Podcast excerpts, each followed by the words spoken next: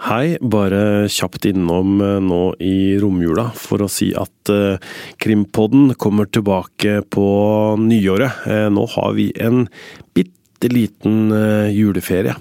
Men vi legger ut en episode av en serie som er laga av våre venner i Alt fortalt. En dokumentarpodkastserie her i VG.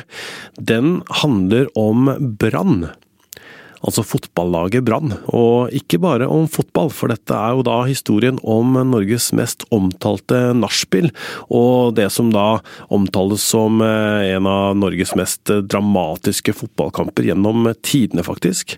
Det er ikke en serie som du må digge fotball for å like, for eh, den har også en del sånne krimelementer i seg. Serien heter Alle hater Brann. Dette er da første episode, og resten av serien, og flere dokumentarer, finner du i Podme-appen hvis du søker på Alt fortalt. Vi går mot en tillit i full av håp. Silje og flere hundre Brann-supportere var på vei til Intility Arena i Oslo. Her skulle årets viktigste fotballkamp spilles. Det var midt i desember, og hun hadde på seg munnbind, rosa lue og en rød strikkegenser hvor det sto 'Mitt hjerte står i brann'. Sånn, For meg føltes det som sånn, dette her kom til å bli en perfekt avslutning på dette elendige året. Inne på stadion stilte hun seg på rad to bak det ene målet men over hele banen hadde lagt seg tykk tåke. Alt skulle avgjøres nå, men hun så ingenting. Altså, den tåken er, tåken er vesentlig, for det er liksom sånn her Det er som at vi står og ser kamp i en fantasiverden. Er dette virkelig? 2021 gikk nå mot slutten. Året hadde bydd på mørke kapitler som spesielt for Silje vekka til live vonde minner fra noen år tidligere. Når, når det går så langt som det gjør, så er det jo et helvete.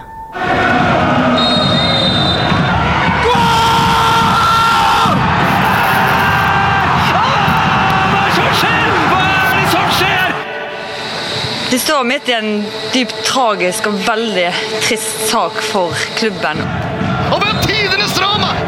Ikke det å tro, egentlig. Denne kampen oppsummerer sesongen til Brann 2021. Hele Norge ønsket jo at Brann skulle drite seg ut. Eh, dette er veldig trist at det er noen som har tatt noen veldig dårlige valg. Ja! Jeg tenker, hva er, det, hva er det som skjer? Hva er det vi driver med, liksom? Så det er nesten så jeg tatt til tårene nå, for det var så sterkt. Ja. Uh. Man trenger å feile for å virkelig lykkes.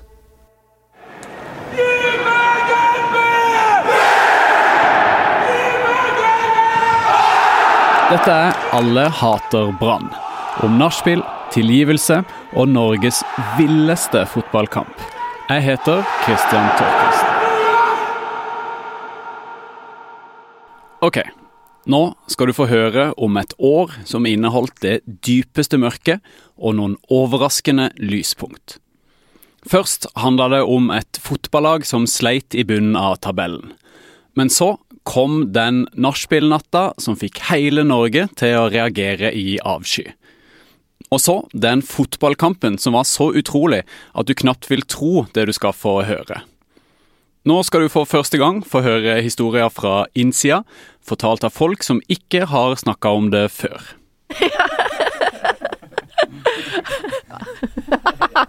Dette er latteren til Silje, som du hørte i starten. På venstre arm har hun ei lita tatovering der det står 'Det går bra'. Silje er musiker som går under artistnavnet Bendik. Her er det mest kjente låta 'Perfekt'. Jeg fant mitt paradis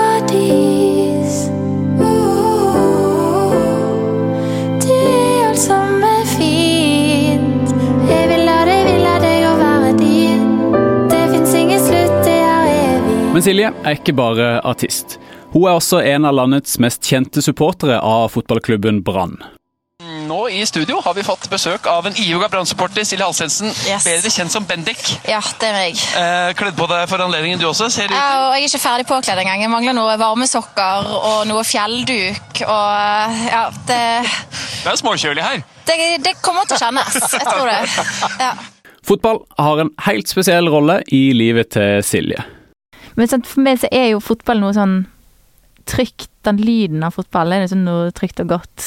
Det minner meg om, om eh, snorkende farfar og pappa i godstolen med tippekampen på lørdagen etter en porsjon risengrynsgrøt. Det Ja.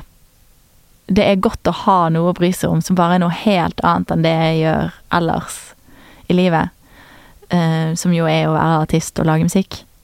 Forholdet til Brann starta tidlig, og kom, som forhold til fotballklubber ofte gjør, fra faren. Jeg har vært Brann-supporter så lenge jeg kan huske. Jeg husker at jeg fikk eh, mitt første skjerf av min far. Så mitt hjerte står i Brann-skjerfet. Det er noe av det mest hellige jeg har. Jeg tror faktisk det er det første jeg hadde med meg hvis jeg skulle begynne å brenne hjemme.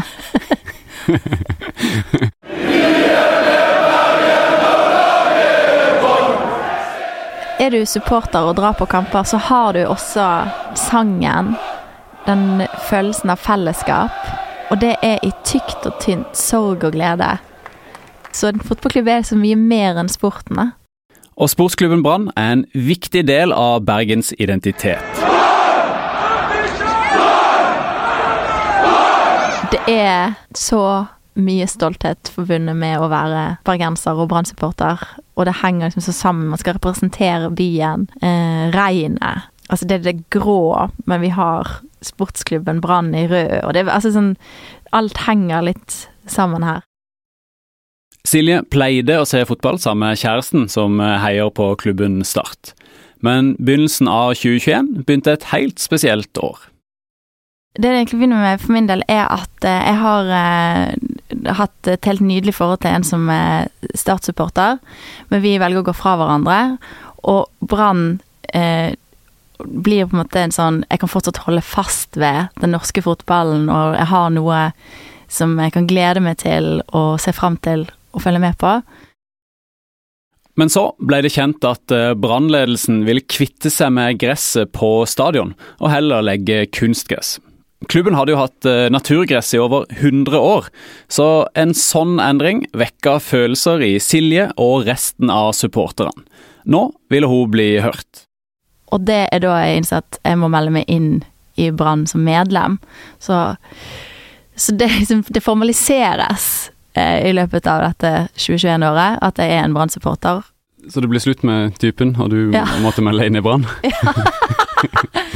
Ja, det er sånn vi, eh, jeg og min eh, eks, vi hadde alltid sånn her eh, Vi satt med begge maskinene våre, og så hadde vi startkampen på den ene, og så hadde vi brannkamp på den andre. Og han var liksom allerede engasjert i årsmøtet til start med ting, sant. Men så smittet jo dette over på meg, at jeg ble mer og mer engasjert. Så plutselig tok jeg meg sjøl i å se absolutt alle treningskamper, følge med på alt som hadde med treningsleirer å gjøre, lese meg opp på spillere. Og det ga meg så mye glede, da. Så det var en sånn viktig ting for meg å bare fortsette å holde fast ved etter eh, det forholdet tok slutt. Eh, men da visste jo ikke jeg at det skulle bli så, så heftig. Helt fra starten av sesongen 2021 var Silje vitne til at det meste gikk galt for Brann.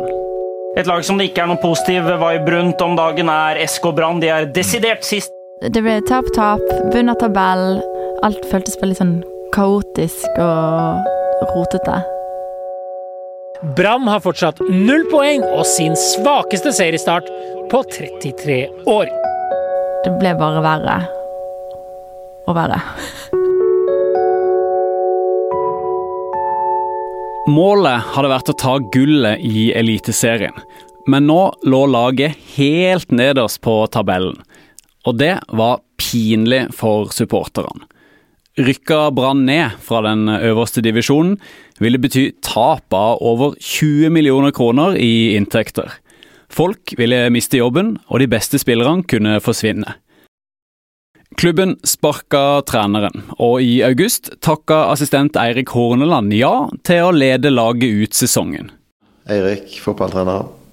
Eirik Horneland er i motsetning til de andre du skal møte i denne historien, ikke fra Bergen, men fra Haugesund. Han har et eh, fast håndtrykk og et sånt blikk som får deg til å rette deg opp i ryggen.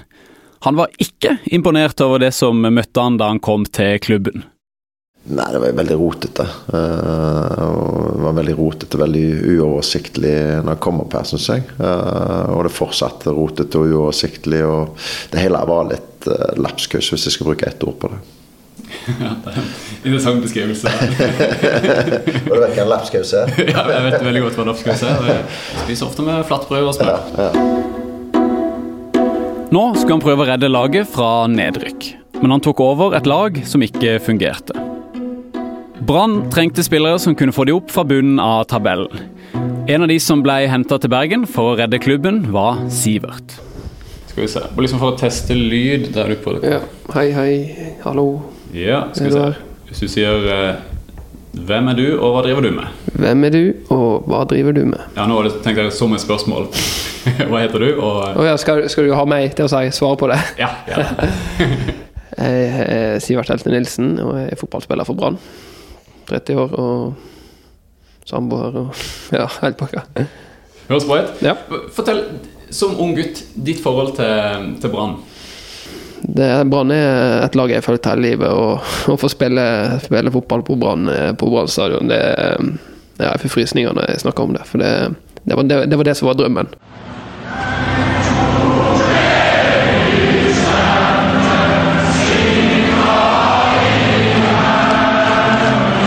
Det å spille for Brann er noe helt spesielt. Engasjementet i Bergen er enormt fordi klubben er en så viktig del av byen. Det er liksom Bryggen og Buekorps og Sissel Kyrkjebø og, og Brann. Skjønner du? Det, det, er ganske unikt med den, eh, ja, den stoltheten rundt Brann som, som bare er en del av byen.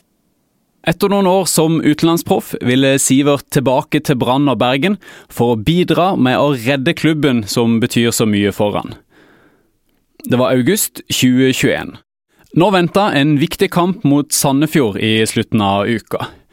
Supporterne håpte at med nye spillere kunne laget begynne å klatre oppover tabellen. Men først skulle laget ha en sosial samling ute på en italiensk restaurant for å ta vel imot nye spillere som Sivert. Nei, altså det, det er litt sånn uh, rart, men det, det der uh, Vi var jo og spiste, og så ja, endte vi opp på stadion til slutt. Det var liksom jeg tenkte for, for min del så hadde jeg nettopp kommet til klubben. Jeg tror kanskje jeg bare har vært ei uke. Så eh, for meg så så jeg det egentlig på en ganske sånn unik mulighet til å bli kjent med gutta. Skjønner du?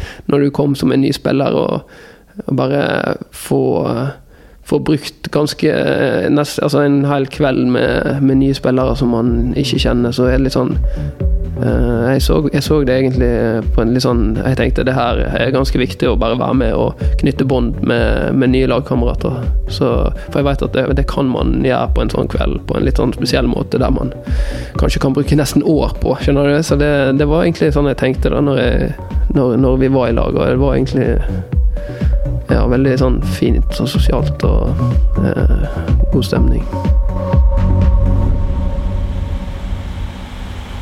Spillerne tok eh, taxi til Brann stadion. Der brukte de nøkkelkort for å komme seg inn. Mektige Brann stadion ligger ved foten av fjellet Ulriken i Bergen. Denne natta var de over 16 000 setene tomme.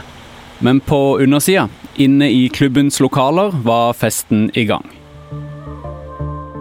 Dette var under koronapandemien, og det var strenge regler for smittevern i den tida så var det på en måte bedre å være på stadion enn på, ute på byen der du kunne bli smitta, skjønner du.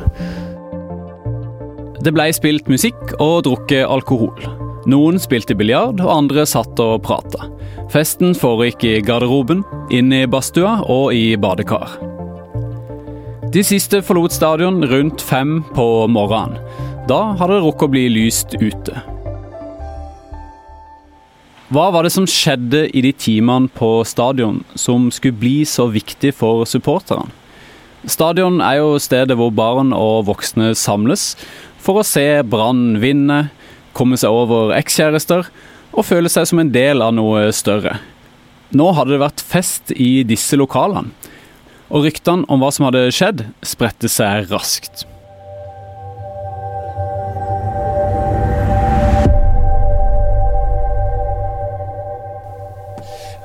Og da er vi over på nachspielet. Ja, gud. Oi, oi, oi. Det er tirsdag kveld, og Branns daglig leder Vibeke Johannessen hadde akkurat eh, kommet hjem etter en lang arbeidsdag. Hun hadde jobba 16 år i klubben, og kjente til de fleste og det meste som foregikk i Brann. Det går ikke an å forstå egentlig hvor mye som skjer i en klubb som Brann, um, uten at du har fått lov å være med på det. Vibeke har et eh, varmt, bredt smil. Men etter det som skjedde nå, skulle det gå lang tid før det smilet dukka opp igjen.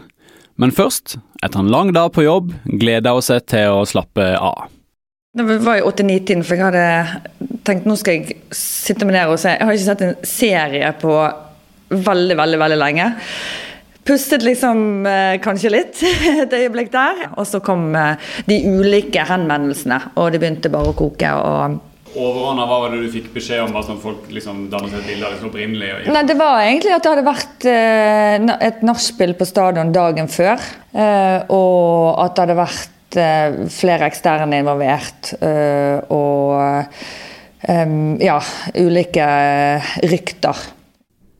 Trener Horneland hadde knapt leda laget ett døgn da han fikk telefon fra daglig leder Vibeke om festen på stadion. Først så ble jeg jo fyke forbanna, for, for jeg syns det var et veldig svik mot både meg og, og ikke minst klubben og, og tilhengerne. At vi liksom noen dager før vi skal opp i årets viktigste kamp, eh, og så ender vi opp med, med, med et, eh, noe som, som, ikke var bra. Så, så det, det, var den første tanken, at jeg var utrolig skuffa og forbanna, frustrert.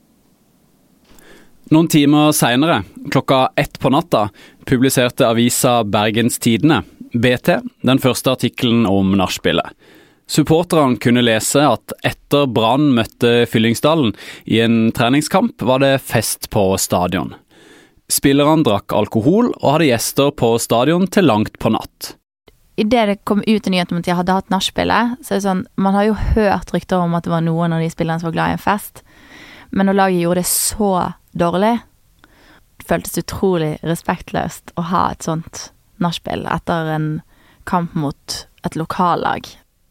Et nachspiel på stadion. Stadion, liksom. Så det var det med en gang saken kommer ut, og så eskalerer det jo.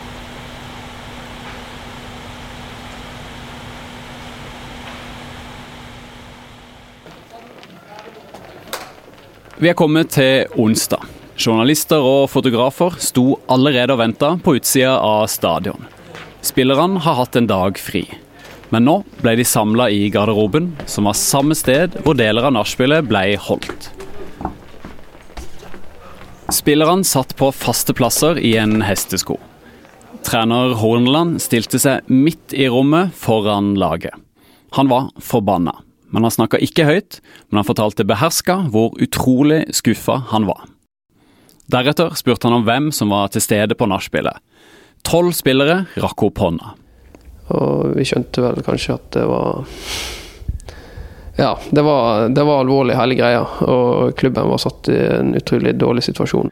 Sivert var en av de som rakk opp hånda. Og så kom den der praten der i garderoben der, så gikk vi ut på trening, og det var, det var så fyr på den treninga. Jeg, jeg har nesten aldri opplevd maken på sånn intensitet, og det var ja, det var kanskje naturlig, da, for folk skjønte at herregud, nå må vi, altså, nå må vi bare liksom Ja, altså, det, var, det var litt sånn sjokkerende. Og, ja.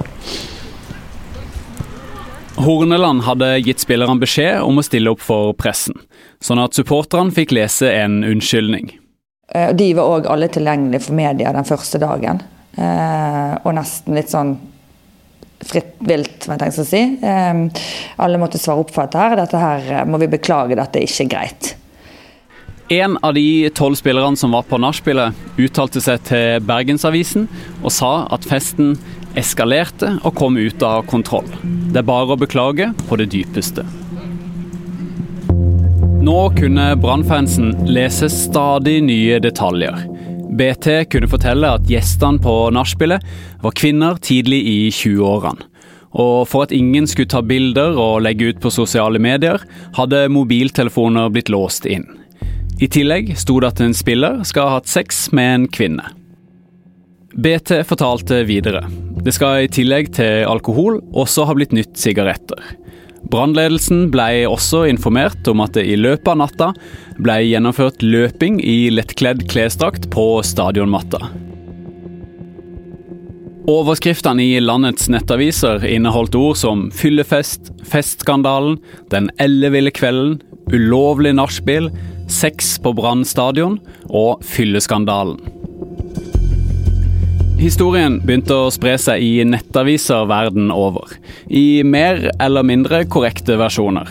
De britiske tabloidene begynte å fråtse i saken og publiserte spinnville artikler med titler uten hold i virkeligheten.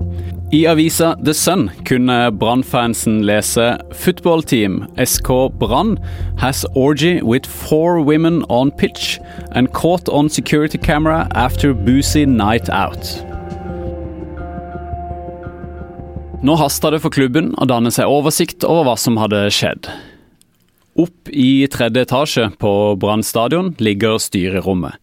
Det rommet ble et slags hovedkvarter for å takle krisa som utvikla seg. På veggene her henger sort-hvitt-bilder av klubbens æresmedlemmer. Et stort, ovalt bord har plass til 15 stykker. Ut vinduene ser du fjellet Ulrikken. Det var hektisk møteaktivitet på stadion, både i styrerommet og andre møterom. Én og én spiller ble kalt inn på teppet. Nå måtte alle fortelle og forklare seg for daglig leder Vibeke Johannessen.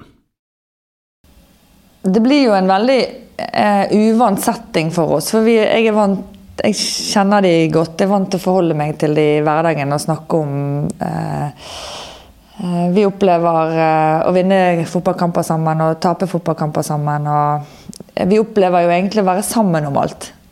Så, så det å, å, sitte sånn og måtte prøve å finne ut av en sånn sak, eh, en nachspiel-sak, og som leder, sjefen, som måtte stille spørsmål for å prøve å få mest mulig informasjon, det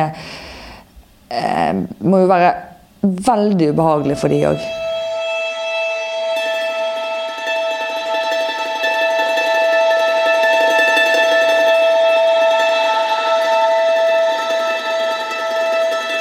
I en annen del av landet hadde forsvarsspiller Fredrik Pallesen Knutsen fått med seg nyhetene om nachspielet. Han visste at det stort sett var himmel eller helvete for bergensklubben. Så tenkte jeg nei, det kan ikke stemme. Um, og så begynte vi å preike i, i garderoben der da, om at nei, nå er, de, nå er de ute på sjø. altså Nå, de, nå, de, nå begynner kaoset igjen. altså, Går det an på en måte å være Går det an å rote det så mye til? Problemet var at han før dette ønska å få til en overgang for å spille for Brann igjen. Men det virka plutselig ikke så attraktivt lenger. Og da, da, var jo jeg i forhandling, altså forhandlinger, og, og, så jeg ble, bare, fikk jo litt sånn klump i magen. Og tenkte faen, dette dette er jo ikke bra. Dette er jo ikke bra i det hele tatt. Midt oppi kaoset rundt nachspiel-saken ble overgangen hans til Brann klar. Bergenseren Pallesen Knutsen er en forsvarsspiller som elsker å takle. Typen som får seg en blåveis i kampens hete, og virker stolt av det etterpå. Nå gleder han seg til å bidra for å redde sesongen til klubben i sitt hjerte, fortalte han i en video på klubbens nettsider. For det, det, kan jo ikke bli så mye verre enn det er nå, så ja, det må nesten bare gå oppover. Det kan ikke bli så mye verre enn, det er nå, ja. sa du? Ja, ja, ja men det, det, sa jeg. Og det var jo sant òg. Det var jo, Du hadde jo nachspielet som kom eh, Det skjedde vel noen dager før jeg kom, og jeg kom to dager eller én dag etterpå det ble blåst opp i, i media. Så jeg prøvde jo bare å være ærlig. altså Det, det kan ikke bli så mye verre enn det, det det, var akkurat da. Vi lå på klart sisteplass, og eh, folk hatet Brann. Altså alle hatet uh, Ja, altså det var Hvor enn du gikk i gaten, så fikk du en kommentar på på alt. Hva sa folk til det?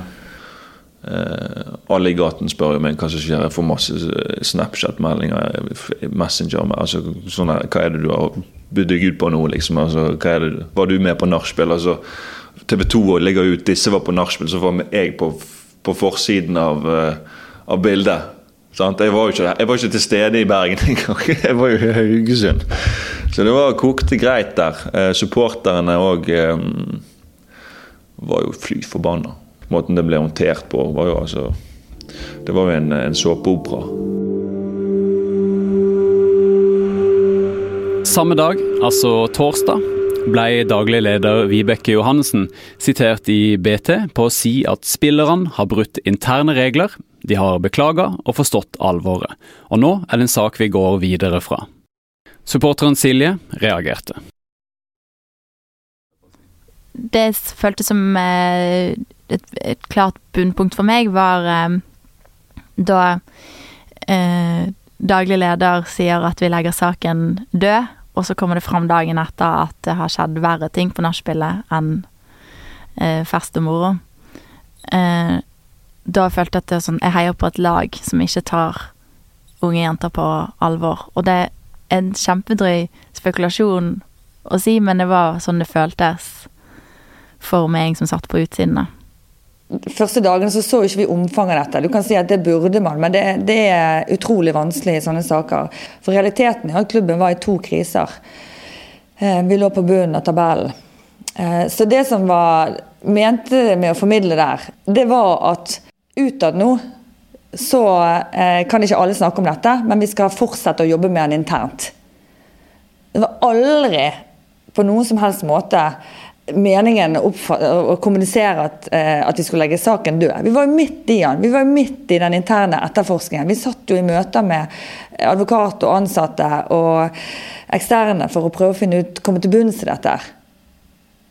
Når jeg snakket med media i den perioden, der, så hadde jeg alltid noen med meg i rommet. For eh, det var så mye som skjedde, sånn at jeg måtte, være, jeg måtte ha noen sannhetsvitner som kunne fortelle meg òg hvis eh, Hvis noe ble feil. Så den, den, ble nok tatt litt, litt ut av kontekst. Eh, og så ble det en, en, sak som ble spint videre. Og det er jo òg veldig krevende når man står i sånne saker som det der, at mediene kopierer hverandre. De, er det noe som er feil, så blir det feil i alle eh, mediekanaler.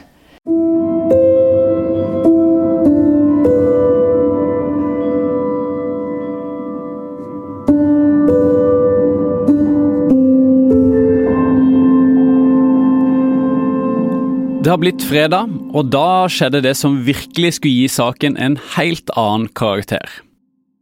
Supporterne og resten av Norge kunne lese ei pressemelding fra politiet. Politiet har starta etterforskning etter å ha mottatt opplysninger om et mulig seksuelt overgrep i forbindelse med fest på Brann stadion natt til tirsdag denne uka. Politiet har ikke mottatt noen anmeldelse i saken, men basert på opplysninger vi har mottatt, samt egne undersøkelser, vurderer vi det slik at det er grunnlag for å etterforske om det har skjedd et straffbart forhold, skrev politiet i pressemeldinga.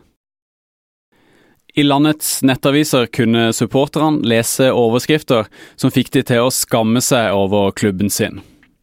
NTBs overskrift lød Politiet etterforsker mulig overgrep under festen på Brann stadion. Én mistenkt.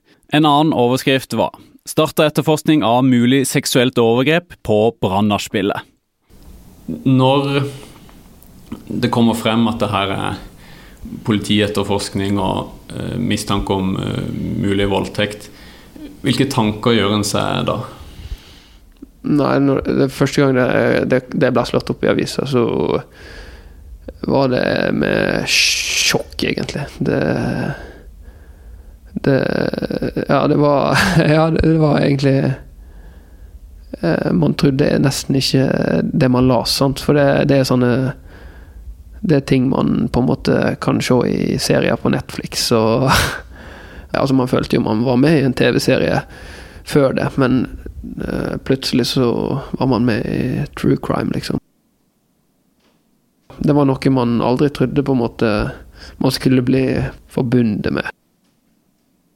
Men med så alvorlige beskyldninger knytta til klubben, ble det ikke vanskelig bare for spillerne, men for supportere og alle andre som var en del av Brann. Det var jo eh, noen som sa det at for første gang så hadde de valgt å ta av seg Brann-genseren før de skulle innom på butikken. Og det er første gang de i det hele tatt hadde tenkt den tanken. For det var så vondt. Det var så smertefullt. De hadde ikke noe svar. De, folk forsto ikke hva som skjer med klubben min nå. Dette er jo ikke min klubb lenger.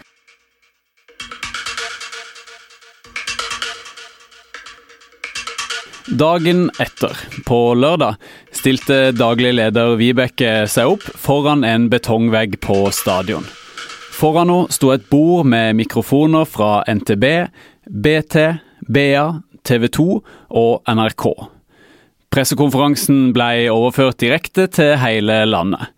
Nå skulle brannledelsen kommentere at nachspielet var blitt en politisak. Hei, alle sammen. Jeg må bare si det Vi står midt i en dypt tragisk og veldig trist sak for klubben og eh, alle involverte. Altså, dette er den vanskeligste situasjonen noen av oss eh, har noen gang vært med på og inne i. Nå fikk klubben også spørsmål om ryktene som sirkulerte. Om at det var brukt ulovlige rusmidler. Og doping på festen. Jeg har hørt de ryktene òg, men jeg har ingen indikasjon på at det stemmer. Så vi endte jo, vi endte jo opp med å eh, gjennomføre narkotikatester fordi at vi fikk eh, de påstandene direkte eh, på en pressekonferanse. Mm. Altså, jeg hadde ikke noe valg egentlig da? Nei. Hvis vi kan eliminere noe i denne, dette kaoset av informasjon og rykter, så, så, må vi jo bare gjøre det. Eh, for å prøve å komme oss videre. Trener Eirik Horneland sto lent inntil betongveggen med hodet bøyd, mens han fulgte med på det som ble sagt og spørsmålene som ble stilt. Nå ble han spurt om hva han tenkte om at stadion var brukt til nachspiel. Jeg at stadion er brukt som et nachspielsted. Det er helt avskyelig. Over tid. Avskyelig. Avskyelig? Ja. Over tid? Ja, avskyelig over tid. Visste dere om dette? Nei.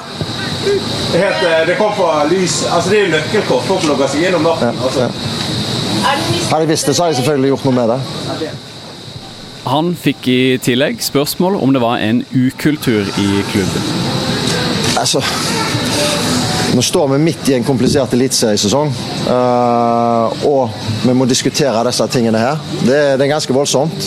Og det, det, jeg fikk spørsmål tidlig i uka på om det var en ukultur. Uh, og det, det, tenkte jeg at det var, et, det var ikke et betimelig spørsmål da. Men jeg skjønner at spørsmålet stilles nå, for det ser mer betimelig ut for meg i dag. Denne pressekonferansen skjedde altså lørdag, dagen før en av årets viktigste kamper. Flere spillere som var på nachspielet, var ikke med i kamptroppen som skulle møte Sandefjord dagen etter. Horneland fikk spørsmål om det var flere spillere som ikke skulle være med i troppen med bakgrunn i nachspielet.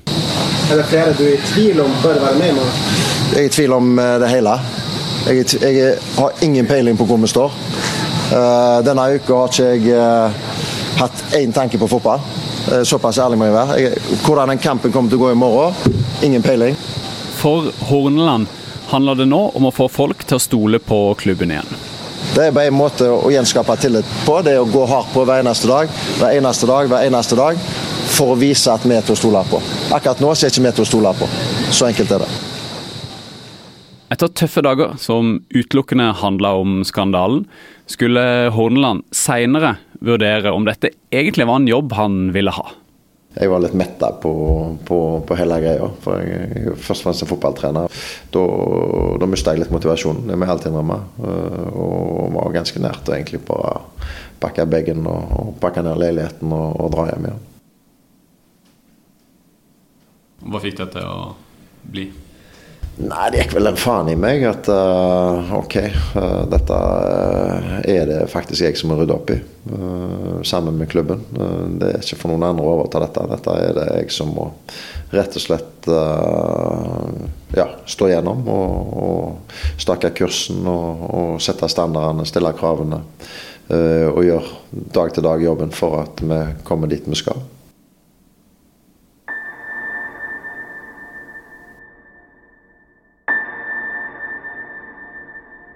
For supporteren Silje var plutselig laget sitt blitt noe helt annet. Nå handler det ikke om seier eller tap, men om etterforskning av mulig seksuelt overgrep. Og det tok hun tilbake i tid. Til et sted hun ikke ville være. Til minner hun gjerne skulle vært foruten.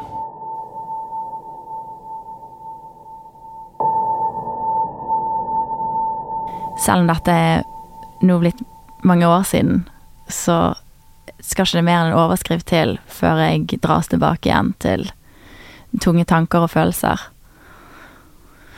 Uh, og jeg vet veldig godt hvordan jentene har det. Jeg trodde på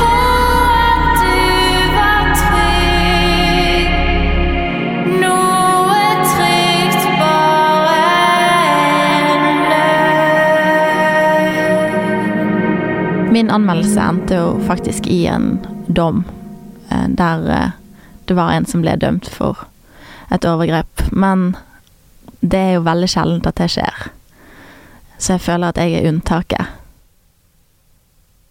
Hva ble dommen, hvis du kan si det? Det ble fire år og erstatning. Ja, Han fikk fire år i fengsel. Fire år i fengsel. Mm.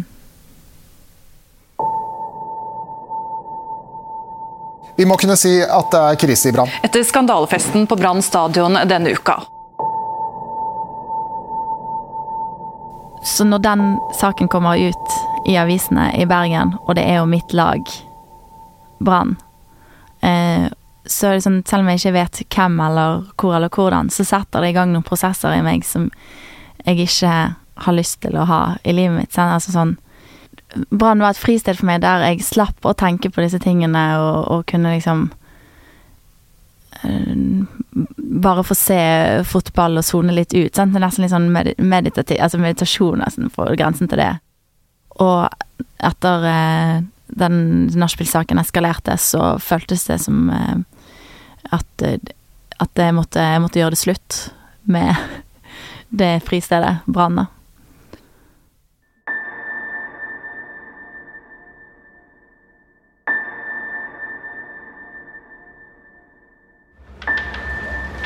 Tre, to, en Yes!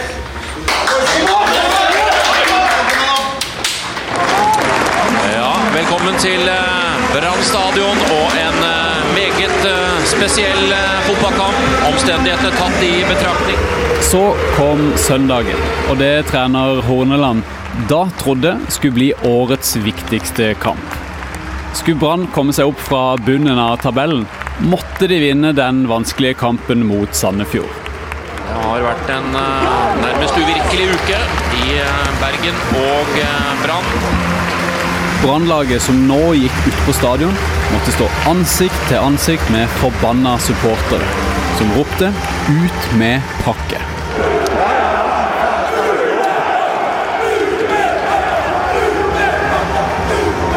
På tribunen sto Brann-fans som hadde fulgt klubben gjennom alle år. En med klubbens stiftelsesår 1908 tatovert på armen. På en banner sto det 'Vis respekt for klubben'. Dø for Brann, alle mann. En tredje 'Nei er nei'. Og på en banner sto det bare 'Skam'.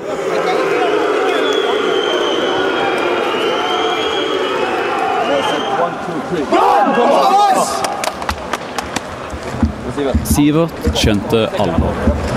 Det føltes litt sånn livsviktig, hvis det går an å si, i, for klubben og for oss å, å få med seg en seier der. Både med tanke på tabellposisjon, men det var ikke det som først og fremst var viktig. Det var på en måte å, å vise at man blødde for drakta, og at man ja, på en måte brydde seg om klubben. Og så, idet dommeren blåste i gang kampen, så ble supporterne helt stille.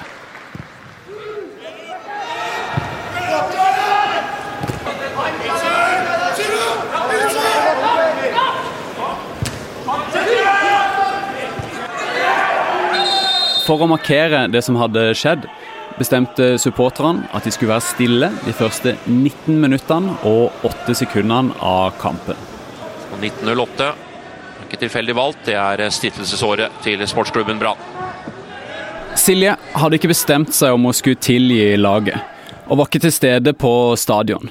Men hun hørte på supporternes aksjon på radioen mens hun satt i bilen. Det var jo ganske absurd å sitte med liksom de følelsene av sånn Skal jeg egentlig Kan jeg egentlig stå inne for å være Brann-supporter, og så har vi denne stilleaksjonen. Prøver liksom på vår måte å, å straffe spillerne fra supportersiden, og så Det er mye sinne og aggresjon for at, eh, at noen av spillerne har oppført seg så dårlig. Skal vi stå bak dere, så må dere vise dere verdig.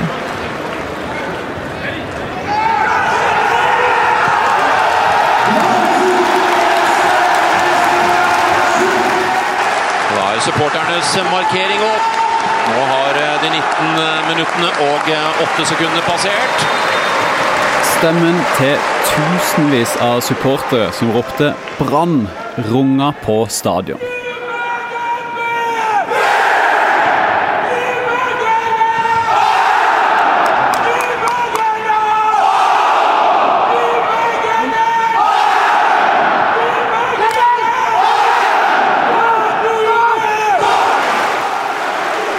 Brann ble tidvis utspilt, men klarte å vinne kampen 3-2. Og det er det siste som skjer. Brann, se på gleden, Åse!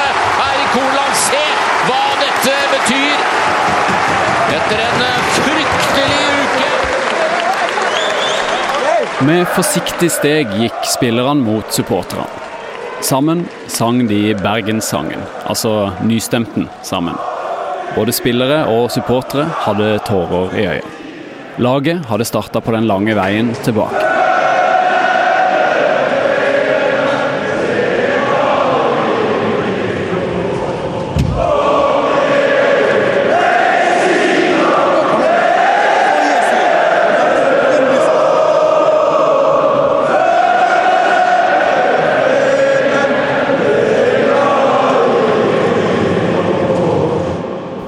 Vet ikke hva jeg skal si. Det var, altså det, det var på en måte en ny begynnelse, kanskje.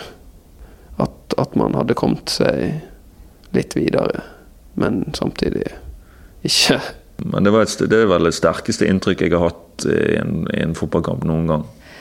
Da de begynte å synge da, nystemten, så det er nesten så jeg tatt til tårene nå, for det var så sterkt. Ja. Uh, visste ikke at det skulle bli så. Men det var et veldig veldig, veldig sterkt øyeblikk. For da tenkte vi bare sånn åh, det er jo dette det handler om. Eh, det er for disse vi må løse dette her. Noen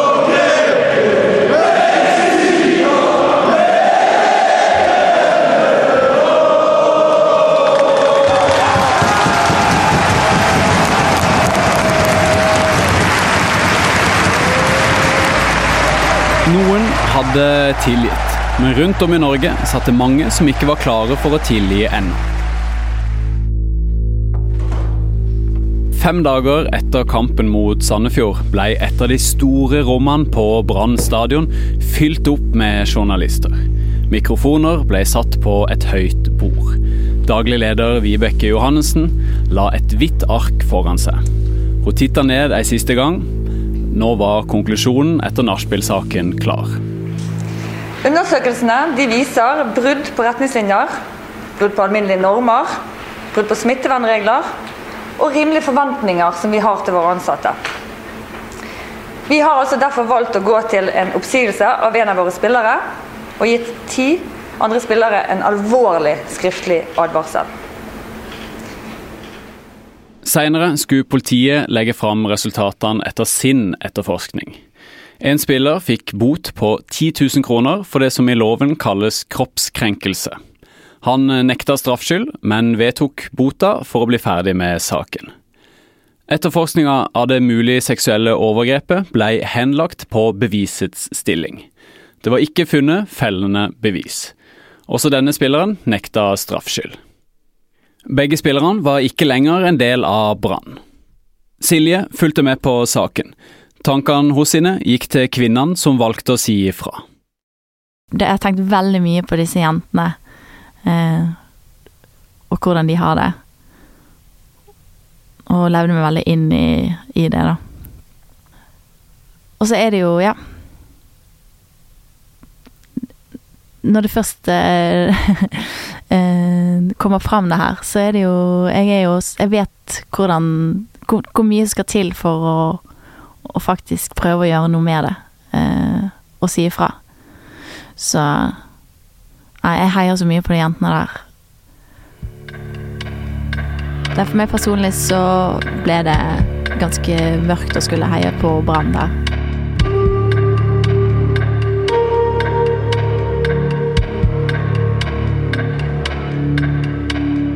Noen supportere hadde tilgitt laget, men for mange var det ikke nok. Silje var fortsatt i tvil, og sto foran et vanskelig valg på høsten. Så det er virkelig, ja, det er virkelig et dilemma. Altså sånn, skal jeg virkelig vise støtten min til dette laget som har eh, hatt dette året, dette nachspielet, eh, og som ennå ikke har ryddet helt opp.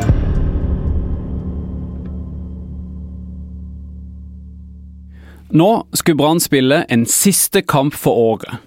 Vant de den, unngikk de å rykke ned. Det var en siste mulighet til å redde marerittåret, og en unik sjanse for spillerne til å vise Silje og de andre supporterne at de var drakta verdig, og kanskje til og med de kunne få tilgivelse. Historien om det helt utrolige oppgjøret og veien videre får du i neste episode, som også er den siste.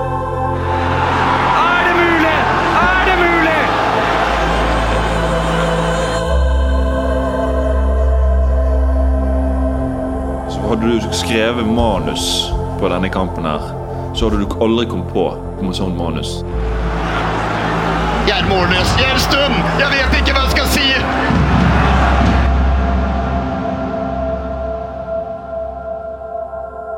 Alle hater Brann er laga av meg, Christian Torkelsen, og Øyvind Herrebrøden. Nyhetssjef er Emilie Hall Torp. Lyd fra Eliteserien er brukt med tillatelse fra Eurosport. Lydklippene du hører er fra VGTV, NRK og Branns YouTube-kanal.